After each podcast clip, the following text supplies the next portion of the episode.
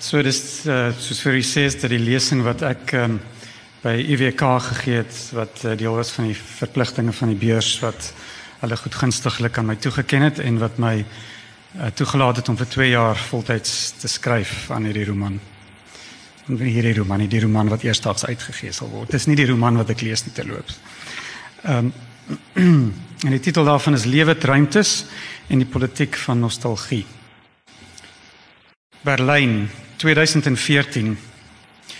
Jy loop al langs die lyn van die verdwene muur af. Deesdae is dit amper onsigbaar, die eertydse skeiding. Net 'n ry donker grys keistentjies dui aan waar dit eens was. Soms kruis dit strate of stui dit teen 'n nuwe gebou, 'n vaal litteken, netjies ontsmet, onskynlik toegegroei. Jy tas rond in hierdie stad na inligting vir 'n roman wat jy skryf en wat gedeeltelik hier afspeel. Jy probeer uitpleis hoe mens dinge sou kon beskryf wat nog selde in Afrikaanse fiksie beskryf is. Hoe om met materiaal te werk wat nog skaars in Afrikaanse prosa gefigureer het. Maar dan wonder jy, is dit Afrikaans wat in jou gedagtes klik en ruis?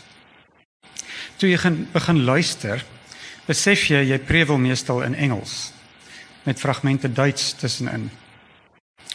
Die Afrikaans sal eers later kom, 'n soort vertaling.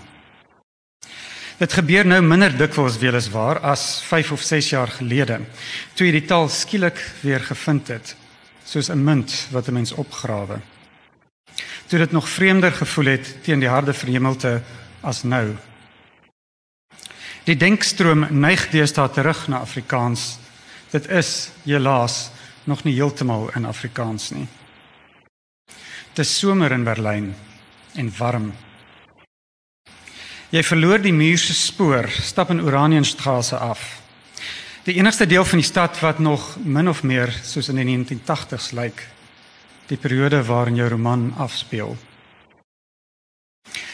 As jy jou oë skreef sien jy nog graffiti en plakate vir bands teen die mure en biljette vir underground parties wat rondwaai. 21ste eeuse Berlyn het 'n pastiche van sigself geword. Die ondergrondse nagwêreld van die stad is nou gekommersialiseer. Verpak vir jong New Yorkers en Londenaars. Kelners of winkelassistente spreek jou outomaties in Engels eerder as Duits aan. Alles versteen word simulacrum. Net as jy jou oë sluit, voel jy die vibrasies van 25 jaar gelede teen jou teen jou vel. Die moerigheid, die dwarsheid, die weiering, die magnifieke chaos. In jou skedel hoor jy selfs nog fragmente van woedende Duitse industrial rock. Jy stap verby die Oranienstraße kroeg sonder om in te gaan. Jy vermy trouens op hierdie reis oral die plekke waar mense rondhang waar hulle loslid raak. Jy besoek nie Mitte se ubercool drink en kuierplekke of die rivierstrande of grasperke naby die museum eiland nie. Ook nie die mere in die buitewyke of die teergarten waar mans met bleek gespierde lywe lê nie. Jy vermy nagjoelheid op dakterrasse en in klubs. Jy kontak nie jou ou vriende in die stad nie. Dis die verlate plekke wat jy opsoek. Ruimtes waar onheil nog in die lug hang. Jy besoek die reuse kompleks in Roosstraße waar die Stasi se hoofkantore eens was. Buite in die straat vou jy jou kaart oop.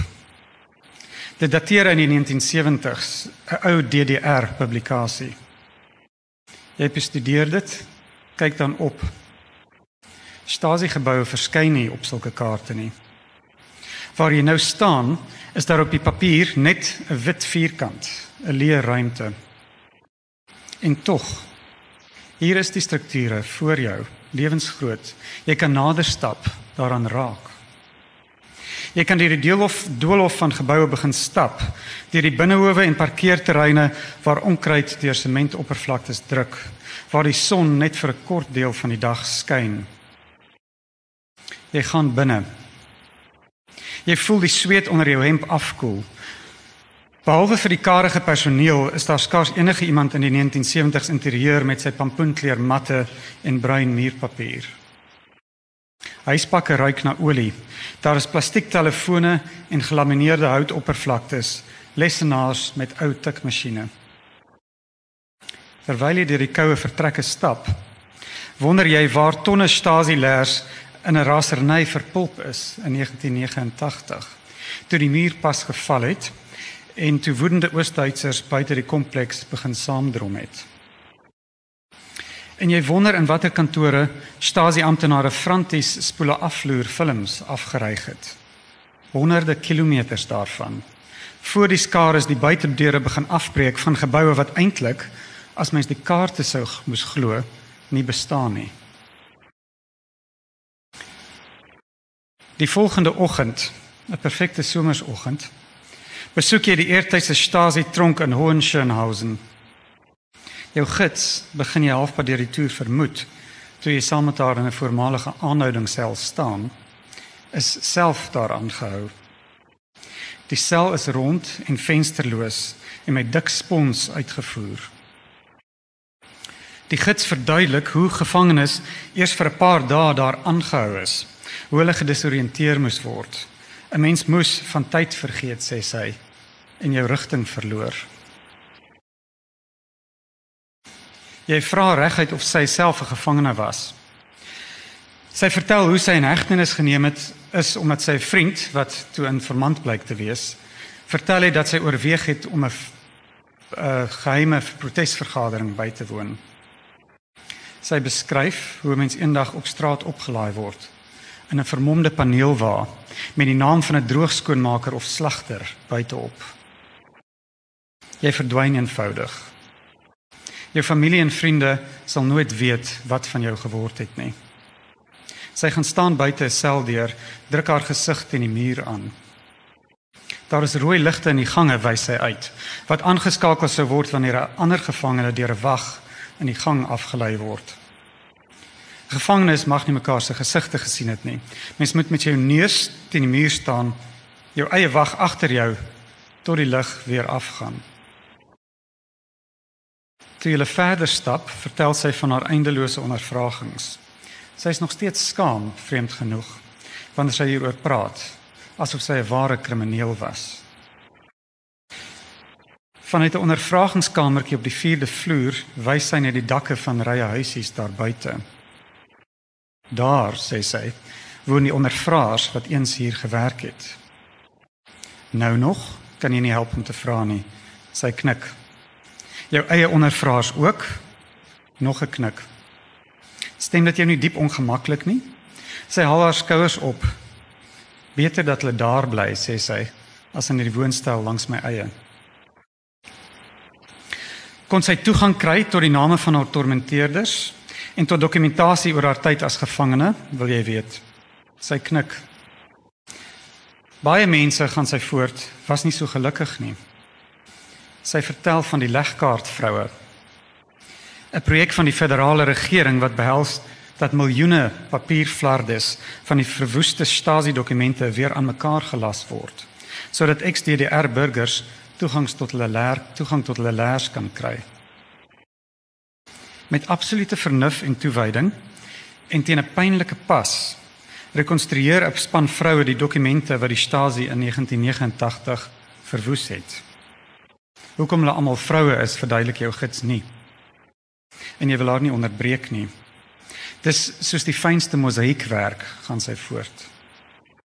Iewers in Suid-Duitsland in half vergete blok kantore sit hier die vroue.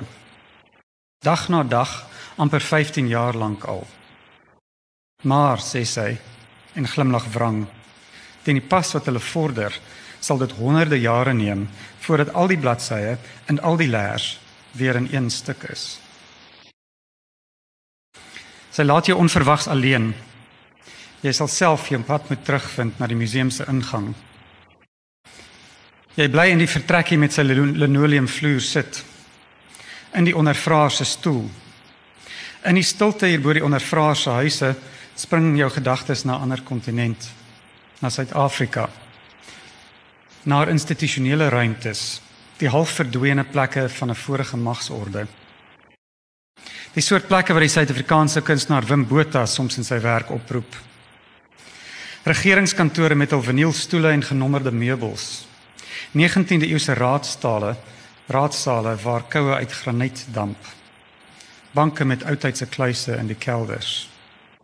Polisiekantore, howe en gekerkte met verniste preekstoele. 'n Hospitaal vir sielsiekes buite die stadsgrense wat die langste gang het in die suidelike halfrond. Waar jy aan een punt staan en die gang aan die ander kant 'n visuele verdwynpunt bereik voor dit fisiek eindig. Formele, intimiderende ruimtes waar wolfsasem en die reuk van hyenas in die lug hang.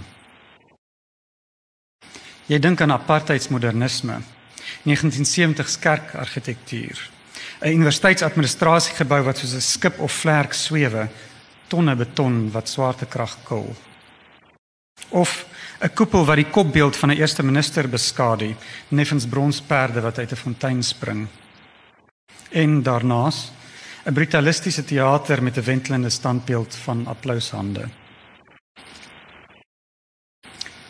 Die herinnering aan 'n video-installasie deur die Amerikaanse kunstenaar Bill Viola onderbreek nou jou gedagtes. 'n Man stap op 'n kronkelpaadjie in 'n woud al nader aan 'n swembad. Hy gaan staan op 'n duikplank, spring in die lug, vou sy arms om sy knieë. Voor die swemmer die wateroppervlak breek, vries hy. Bly net daar in die lug hang. En dan, stadig, begin hy oplos totdat hy eintlik verdwyn soos 'n dampie mis. Net die woud en die kabbelende swembad bly agter. Dan kom herinneringe aan alledaagse ruimtes wat uit jou eie lewe verdwyn het of waaruit jy verdwyn het. In jou gemoed verskyn jy nou weer waar jou teenwoordigheid so lank ondenkbaar gelyk het. In 'n provinsiale biblioteek wat na songebakte boeke ruik 'n nou verdwene afdelingswinkel. 'n Parkie in 'n vallei waar swaai as 'n kettinge blink gevat is. 'n Skemer poskantoor. 'n Skoolspeelgrond, geboue van rooi baksteen, klaskamers langs 'n treinspoor. Jy ruik sement en ou marmer, gras, yster, vinyl.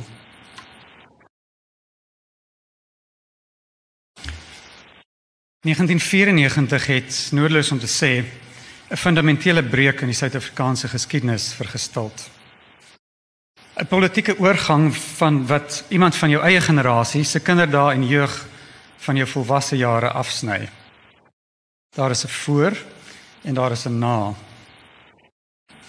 Die betekenisse wat mense heg aan die voor en die na hang natuurlik hoofsaaklik van ras af.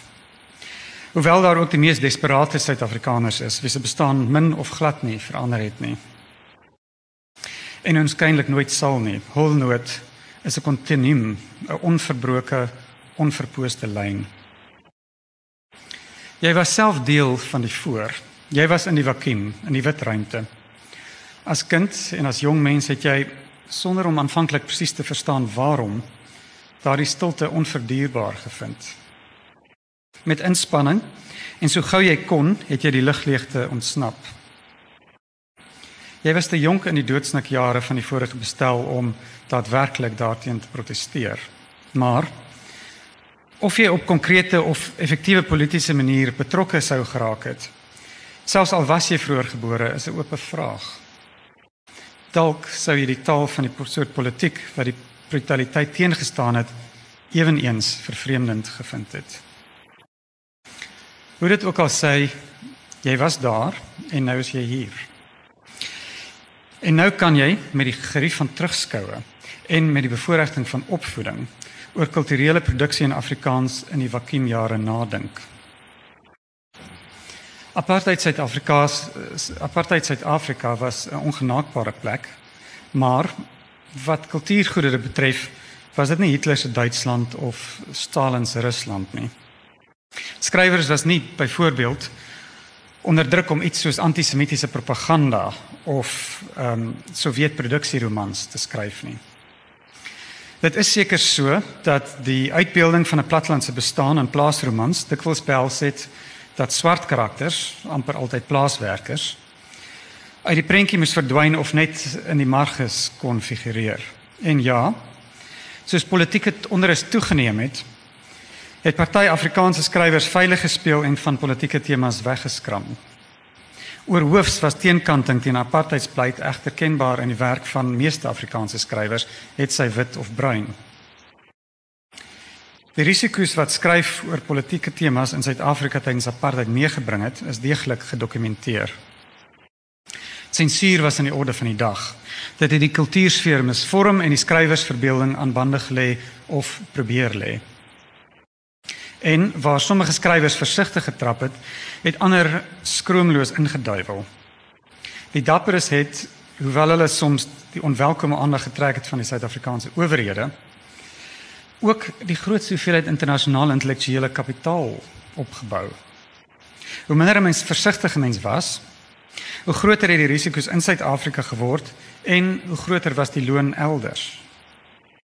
Maar watter politieke sentimente skrywers se werk ook al vertoon het, was jou lesers gehoor as jy in Afrikaans geskryf het, noodwendig beperk tot 'n kleinerige streeks gehoor. Tensy mens tevrede was met net die lesers in jou onmiddellike omgewing, moes mens in Engels vertaal word of beide in Afrikaans en Engels skryf. In die 1970s en 80s is daar toenemend van Suid-Afrikaanse skrywers en dit geld skrywers sowel in Engels as Afrikaans verwag om bepaalde gebare te maak ten einde buite Suid-Afrika as ernstige skrywers beskou te word die gedagte dat sulke gebare van 'n mens verwag is, beteken natuurlik nie dat skrywers, veral swart skrywers, hulle nie gebonde gevoel het om oor brandende politieke kwessies te skryf nie. Of dat werk wat geskryf is in die diens van die politieke ideale van die tyd nie ten diepste gevoel is nie. Skrywers het eenvoudig dikwels geen keuse gehad, moreel en fisies uh, psigies gesproke, om hul stem te laat hoor nie.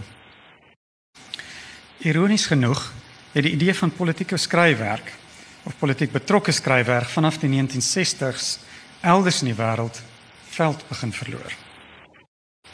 Veral met die opkoms van deurpriemende ondersoekende journalistiek en ander nuwe forums vir, vir politieke deelname en soos die boek stadig haar kultureel sentrale posisie begin verloor het en visuele kultuur begin oorheers het, het die idee van die skrywer as unieke voorbrandmaker vir demokrasie en bevryding oudtyds begin raak.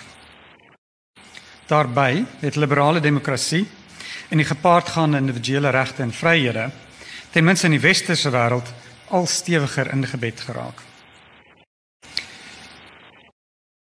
Die potensiaal vir skrywers uit enige tydvak om werklik politieke impak te maak is natuurlik in elk geval debatteerbaar. Of daar al ooit 'n boek was wat 'n politieke bestel verander het, is 'n goeie vraag en een wat buite die bestek van hierdie lesing lê. Maar as mens aanneem dat letterkunde in sekere stadiums van die wêreldgeskiedenis en in sekere gemeenskappe en kulturele kontekste deel kon word van 'n koor van protes wat op onsigbare wyse gemoedere verander of voorberei het op 'n nuwe stel politieke waardes, dan speel fiksie seker tog 'n spesiale soort sosio-politieke rol. So in Suid-Afrika was die neiging dus die teenoorgestelde as in die westerse wêreld hoofsaaklik omdat Suid-Afrika polities op 'n geheel ander traject was. In die laaste dekades van apartheid was die sensibiliteite van modernisme of formele eksperimentering op enkele uitsonderings na nie hoog op die literêre agenda nie. Politiek gelaaide skryfwerk was besig om alle ander skryfmodes uit die arena te verdryf. En die skrywer se politieke kleure moes duidelik uit die teks blyk as jy 'n wit Afrikaanse skrywer was en dus vermeende broeder of suster van die magshebbers, was jy uit die staanspoor verdag. Jou politieke gebare moes sterker wees en valke oë was op jou gerig. As jy 'n kans wou staan om suspisie in die internasionale sfeer te oorkom, sou jy jouself inderdaad polities moes bewys in 'n soort rituele selfreiniging. Dit was amper die enigste modus van skryflike en gesprektreding met die wyeer wêreld. Daardie tye is verby. Wat het intussen gebeur met kulturele produksie in Afrikaans? Wat volg nou? Wat is voortaan moontlik op papier?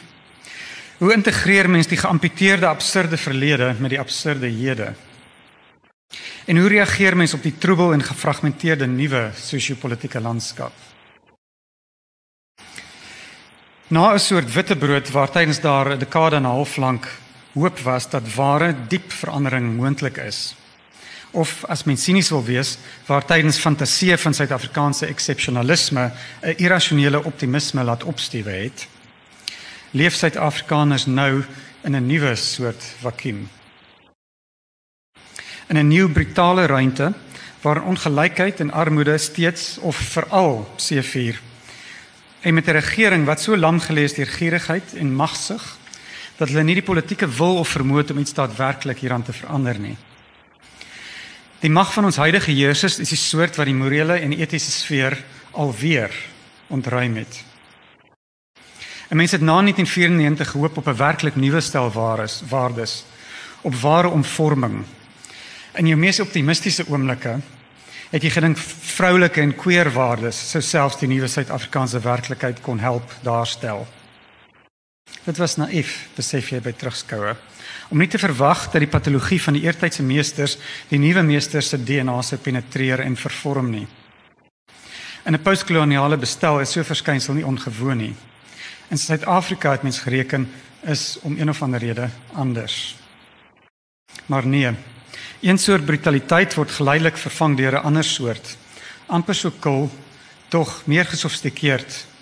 Sterker in aanraking met 21ste eeuse neigings tot blinde materiële vraatsug en ekstreme nepotistiese kapitalisme.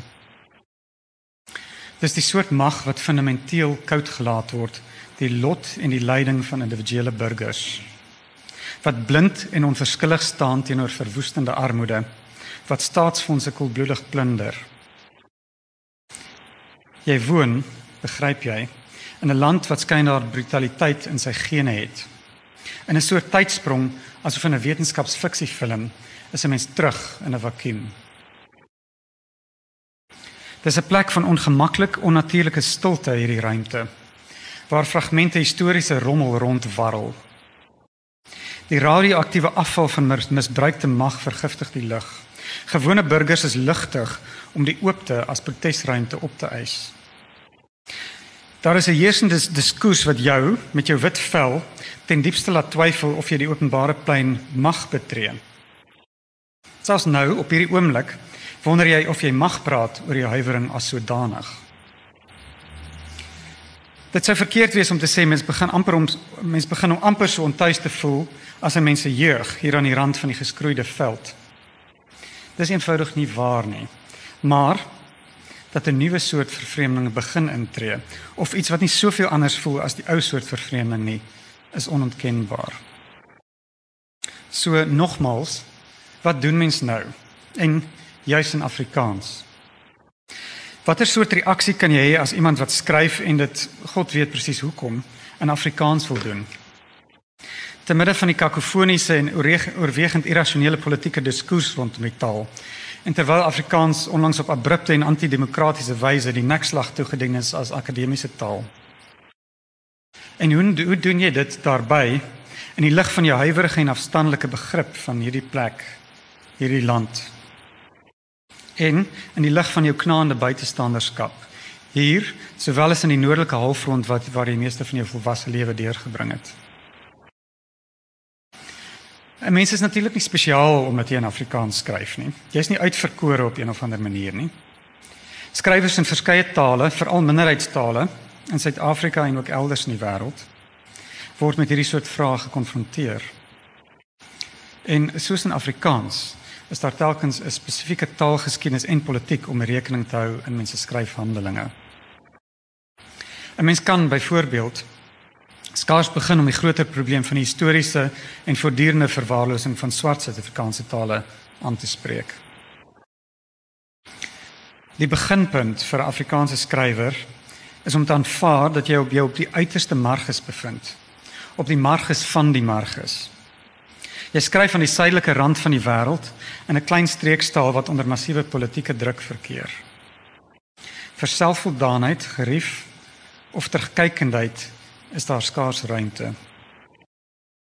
Net as jy dit terdee begryp, kan jy begin uitpleis hoe om hierdie tydsgreep in Afrikaans te skryf. In die wêreld van openbare literêre gesprek is mense as Afrikaanse skrywer noodwendig oral buite die tent. By internasionale boekfeeste in Brittanje of die FSA is jy altyd die buitestander. In die noordelike halfrond is jy die skrywer van die suidpunt van Afrika en jy skryf in 'n koddige taal wat meeste van jou Anglo-Amerikaanse medeskrywers moeilik kultureel kan plaas. Behalwe dat hulle dit dikwels nog vaagweg met apartheid assosieer, klink klare bewys van die sukses van die nasionale party se propagandaveldtog om Afrikaans voor te hou as 'n wit taal. By Suid-Afrikaanse boekfeeste, oorwegend Engelse boekfeeste, word jy vinnig gestereotipeer. Jy verstaan instinktief of matig jou aan om te dink jy verstaan die besware van swart Suid-Afrikaanse skrywers dat daar voortdurend deur 'n etniese bril na hulle en hul werk gekyk word. As mens wit is en in Afrikaans skryf, gebeur dit op sekere maniere ook. Jou werk kan nie vanuit die perspektief van sommige wit Engelssprekende Suid-Afrikaanse kritici sê maar 'n projek wees wat die moontlikheid of onmoontlikheid van postnasionale bestaan ondersoek nie. Nee, dit kan alleen maar gelees word as fiksie wat konsis die stand van kollektiewe Afrikaner psigologie reflekteer. Dit gaan volgens sulke leesters noodwendig oor iets soos Afrikanerskap in 'n veranderende Suid-Afrikaanse konteks. Hardkoppige parochiale blindheid vir die breër strominge van letterkunde binne die konteks van globalisering en denasionalisering en die moontlikheid dat Afrikaanse tekste eerder daarbey aansluit is kenbaar. Maar as mens in 'n soort klaagtoon wil praat oor die atmosfeer waarin jy probeer skryf, vergelyk dit nog nie naaste my by 'n posisie waar 'n werklik jong persoon, iemand wat sê maar 30 jaar oud is, wat nou in Afrikaans sou wou skryf, haar sou bevind nie. So iemand sou moet rekening hou met 'n verswelgende teenstroom. Die sosiale ruimte vir ernstige kulturele produksie atrofieer teen onthitsende pas. Noemenswaardige institusionele ondersteuning onderbreek. Die Jan Rabie en Marjorie Wallace beursyne selfsame uitsondering. Afrikaans krimp as studieveld. Vanuit regeringswees daar skaars belangstelling in of ondersteuning vir literêre fiksie of die vestiging van 'n leeskultuur. Daar is voors die feit dat visuele en sosiale media kultuur wêreldwyd die boek aan het verplaas is. En dan praat jy nie eers van hoe radikale kapitalisme in sy verwronge en perverse Suid-Afrikaanse inkarnasie die kultuursfeer verinneweer nie. Alleen koestring deur beide die gemeenskap en die staat kan literêre produksie regtig laat oorleef by uitstek in minder minderheidstale. En in Suid-Afrika word die word minderheidstale en die ernstige kulturele domein nie net verwaarloos nie, maar dikwels aktief ondermyn. Hoe vergelyk die posisie van hierdie pitatiewe 30-jarige skrywer in Afrikaans dan met die van 'n generasie of twee terug? Ironies was selfs of veral die mees politiek afvallige Suid-Afrikaanse skrywers van sulke vorige generasies in 'n hoogs voordelige posisie. Nie net weens die magsposisie van die Afrikaanse kultuurwêreld binne apartheid era Suid-Afrika nie, maar ook weens die internasionale voertuig wat skrywers se anti-apartheidsposisies hulle gebied het. Daar was inderdaad 'n dubbele soort bevoordeling. Afrikaanse protesskrywers was beide binne en buite figure. Enerzijds was hulle verbind met die land en met die Afrikaanse wêreld waaroor hulle so dubbelsinnig gevoel het. Anderzijds het hulle in oppositie gestaan. En die een pool kon nie regtig sonder die ander nie. Sommige skrywers het hul lieflingsrol meer effektief afgesweer as ander, maar dit was moontlik om 'n afvallige skrywer sowel as 'n Afrikaner liefling te wees met al die gepaardgaande ondersteuningsbronne. Heel party afvallige Afrikaanse skrywers kon byvoorbeeld institusionele tuiste binne die Suid-Afrikaanse akademiese sfeer vind. Afrikaans kon dit nog nooit regtig oor die hart kry om sy dwarse kinders uit die huis te smyt nie. Daar was altyd annekse of ten minste grieflike buitekamers wat betrek kon word. Dink nou aan hoe radikaal dit verskil van die situasie waarin die jong aspirerende Afrikaanse skrywer haarself vandag bevind. Dink hoe beperk die moontlikhede is. Hoe onwaarskynlik ondenkbaar die die idee van 'n loopbaan as 'n Afrikaanse skrywer moet lyk. Dink hoeveel dapperheid, vindingrykheid en deursettingsvermoë of verbetenheid dit sou verg om 'n sinvolle skrywerlike soloroete oop te kerf deur die nuwe brutaliteit. En dan praat jy nie eers van die kwessie van hoe so iemand 'n lewe sou kon maak nie. En miskien is dit ook om hierdie rede dat mens soms die gevoel kry van party literêre kommentators en wel ook binne die Afrikaanse sfeer dat die Afrikaanse literêre korpus nou min of meer geslote is, afgehandel, dat dit versteen het. Dat hulle nie noodwendig veel van die toekoms verwag nie. Daar is helaas 'n paar voorbeelde in die afgelope 20 jaar van skrywerlike aksies wat geen roete oopkerf nie, maar liefs retireer. Daar is sekere soorte nostalgiese reaksies. amper soos sogenaamde nostalgie in Oos-Duitsland. Die ongeproblematiseerde ons was nie almal so nie of daar was daar 'n mooi dinge ook. Platlandse of terugkykende gemoedelikheid, selfs die perpetuering van 19de eeuse landelike fantasieë. Of God behoede ons manipulerende stories wat onderwerp soos kindermolestering as tema neem. Dan gelukkig was daar ook magnifieke literêre hoogtepunte in Afrikaans. Romans wat in vars taal en met verblindende perspektiewe grense deurbars. Wat formeel en tematies onthuts. Wat 'n mens bly maak. Wat van Engelstalige Suid-Afrikaanse letterkunde? Daar was ewenigs in die afgelope 20 jaar of wat 'n komp verblydende literêre hoogtepunte en 'n aantal onthutsende nuwe skrywers. Maar daar was ook benewens die speur en gruwel en wetenskapsfiksie wat soos in Afrikaans hoofsaaklik met die oog op tantieme geskryf word, 'n paar vals nostalgiese note. Werk wat fokus op wit kinderdae onder apartheid. Tipies met 'n kinderprotagonis wat 'n instink vir onreg vertoon wat by die groot mense skeel. Dikwels is daar dan 'n wrede Afrikaner antagonis of twee en soms 'n edel Zulu man of 'n wyse Afrika moederfiguur wat die fantasie voed van die goeie swart mens wat in diens swart mens wat in diens staan van 'n sensitiewe wit kind se inisiasie. Nogmaals 'n soort ons is nie almal so nie scenario, hoewel weliswaar in toenemend gesofistikeerde gedagte. Dan was daar die uitgewekenes romans, stories van weggaan en terugkeer. Die wit opgevoede klasse wat in die noordelike halfrond gaan woon en net terugkom om van sterwende sterwende moeders en vaders afskeid te neem. Aan die pleging van laasgenoemde genre moet jy dadelik sê is jy self ook skuldig. Daar blyk selde uit hierdie soort werk met 'n ontruimde kinderplekke waaroor wit skrywers so ambivalent voel.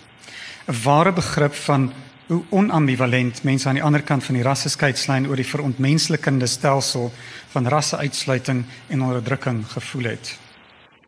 Dit tas die wrevel en woede en verontwaardiging dikwels mis en dit trek die aandag af van voortdurende en verergende ekonomiese ongelykheid. Maar wat laasgenoemde punt betref, is die gevoel onder swart Suid-Afrikaners wat nie vrygebore is is nie, werklik so ondubbelsinnig. Een van die interessantste boeke wat in die post-apartheid jare verskyn het, is Jacob Dlamini se Native Nostalgia. Dlamini is 'n Suid-Afrikaner, historikus by Yale. Die boek is van onsekere genre, 'n soort memoir waarin die skrywer terugkeer na die township van sy kinderdae. Hy boekstaaf vir ouer generasies se gevoelens oor die verlede en onthou ook self met deernis die vreugdes en verdriete van sy kindertyd tydens die apartheidjare sonder om toe te laat dat dit gekaap word deur die meesterverhaal van swart politieke bevryding. Klamini se nostalgiese toeëning van 'n verlede wat veronderstel is om ongeldig te wees. Dit wil sê sy idee dat 'n swart Suid-Afrikaner vreugde kon vind in sy kinderdae tydens apartheid is radikaal en ondermynend. Sy nostalgie vergestel 'n weiering om menslike menslike kompleksiteit en spesifiekheid te laat verplaas deur glansende politieke metanarratiewe. En in eens val soveel nuwe moontlike maniere om oor identiteit en ras en die geskiedenis en die toekoms in hierdie land te dink voor 'n mens oop. Hoe mag jy teen hierdie agtergrond jou eie verlede, jou eie pre-1994 self aanspreek? Goedkoop nostalgie verlei jou nie. Daar is nie by jou verlange om terug te keer na iets waarvan jy nooit deel kon word nie. En jy beplan nie om by die verlore stadsruimtes verby te tuur na grasvelde, louwarm klip en verkrummelde opstalle nie. Maar hoe oriënteer jy jou relatief tot die makliker toevlug van anti-nostalgie. Om die blik eenvoudig af te wend en weg te draai is so suiwerend. Dog iets hier laat ook dit nie toe nie.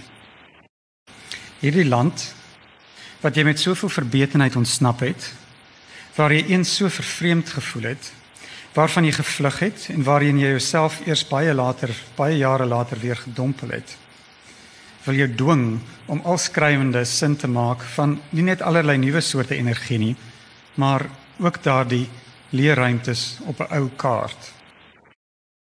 Wat het daarvan geword? Het jy dit self uitgewis? Was die kaart in potlood geskets en sit jy verdwaas met 'n uitveer in die hand? Soos 'n mantra keer jy terug na die vraag: Wat kan 'n mens skryf? Net deur te skryf kan jy uitvind wat jy wil skryf, antwoord die gode.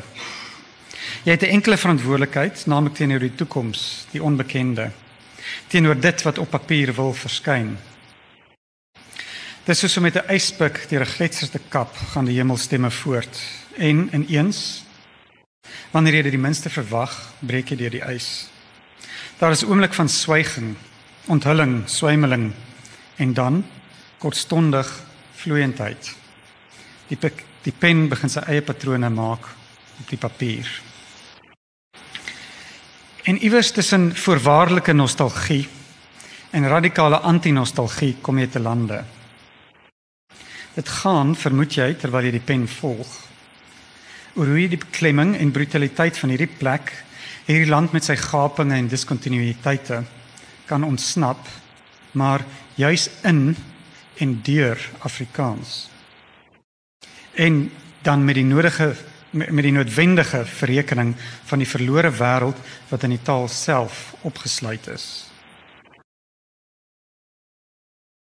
Hoe kan jy deur hierdie talige lens met die res van die wêreld, met die wye geskiedenis en met kosmopolitaanse bestaansmoontlikhede in gesprek tree? Of anders gestel, wat is die internasionale potensiaal van skryfwerk wat in Afrikaans ontstaan?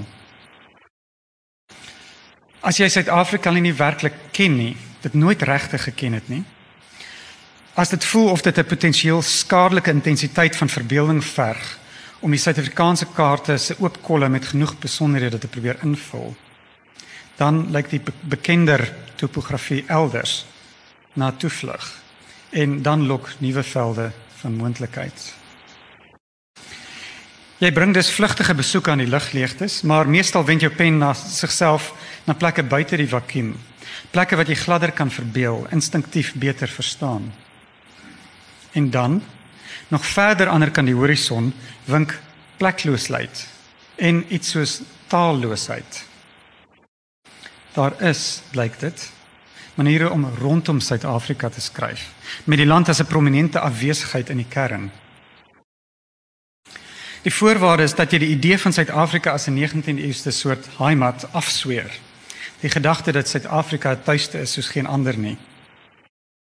Teen daardie konstruk smyt mens in die lieflike ontwrigting, die hindernisse, vreugdes en verdriet van die lewe in kosmopolitaanse stede en idees rondom worteloosheid en hibriditeit. Ook al is dit 'n hibriditeit wat so kompleks kan raak dat dit jou identiteit met disintegrasie bedreig. Hoe onmoontlik dringend voel dit nie? En hoe dryf dit die pen voort? Hierdie gelyktydige soeke na en afwysing van tuiste. Hierdie benadering is skaars oorspronklik of uniek, veral buite Suid-Afrika. Baie skrywers is immers vandag globaal in hulle lees- en reisgewoontes en invloede en dikwels ook in terme van al temas en ruimtes. Dit is nie so ongewoon vir skrywers om in 'n taal te skryf wat nie al grootwoordtaal is nie of om in lande te woon waar hulle nie gebore is nie. Vir letterkunde om sogenaamd globaal of internasionaal te wees, hoef dit ook natuurlik nie in wêreldstede af te speel of in 'n reeks vinnig verwisselende plekke nie. Van die mees universeel geliefde, mees vertaalde en mees durende letterkunde is juis sterk ingebed in een plek. En heel dikwels in 'n afgeleë of provinsiale plek. En daar is ewenigs oorgenoeg voorbeelde van bourgeois middelklas letterkunde wat in wêreldstede wêreldstede afspeel. Jy het verwys na plekloosheid as een soort literêre reaksie op ontruiming van 'n politieke en kulturele landskap. Jy dink in hierdie opsig aan Kafka, Beckett en Borges. Die plekloosheid in hul werk het hulle op verskillende maniere bereik. Kafka byvoorbeeld was 'n Duitssprekende Jood in Praag, 'n man sonder 'n land. En as hy 'n paar jaar langer gelewe het, sou hy saam met sy susters in 'n konsentrasiekamp gesterf het. Wat Beckett betref, as jou karakters geluidlose pynkrete uiter in 'n leë kamer of op 'n naakte verhoog, het jy, soos een kommentator dit stel, nie dorp of straatname nodig nie. En Borges? Hy het grootliks in Switserland en Engeland groot geword.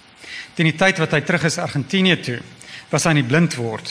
Die Argentynse landskappe het hoogstens in vaar kinderherinneringe kinderherinneringe voortgeleef. Die pleklose modernisme van Beckett en Key het weliswaar ook 'n tyd ingelei toe lesers vervreem begin raak het van literêre prosa. Skrywers moes toenemend hul lesers wêreldwyd gaan soek. Moes al lesers gehoor laagie vir laagie in verskillende lande opbou. Jy het 'n nostalgies analitiese argument probeer maak ten gunste van skryf oor plekke buite Afrikaans, dog in Afrikaans. As jy die vraag hoekom in Afrikaans egter deegliker sou deurdink, sou jy dalk ophou om die taal te skryf. Meeste argumente werk daarteen. Dit is tog sekerlik 'n perverse keuse om in Afrikaans te wil skryf oor 'n wêreld wat groter is as Suid-Afrika. Dit wil sê 'n klein minderheidstaal wat net hier gepraat word, wat 'n onmoontlike politieke posisie verkeer en net 'n handvol lesers oor het. Miskien om die argument oor taal en antinostalgie nou effe aan te pas.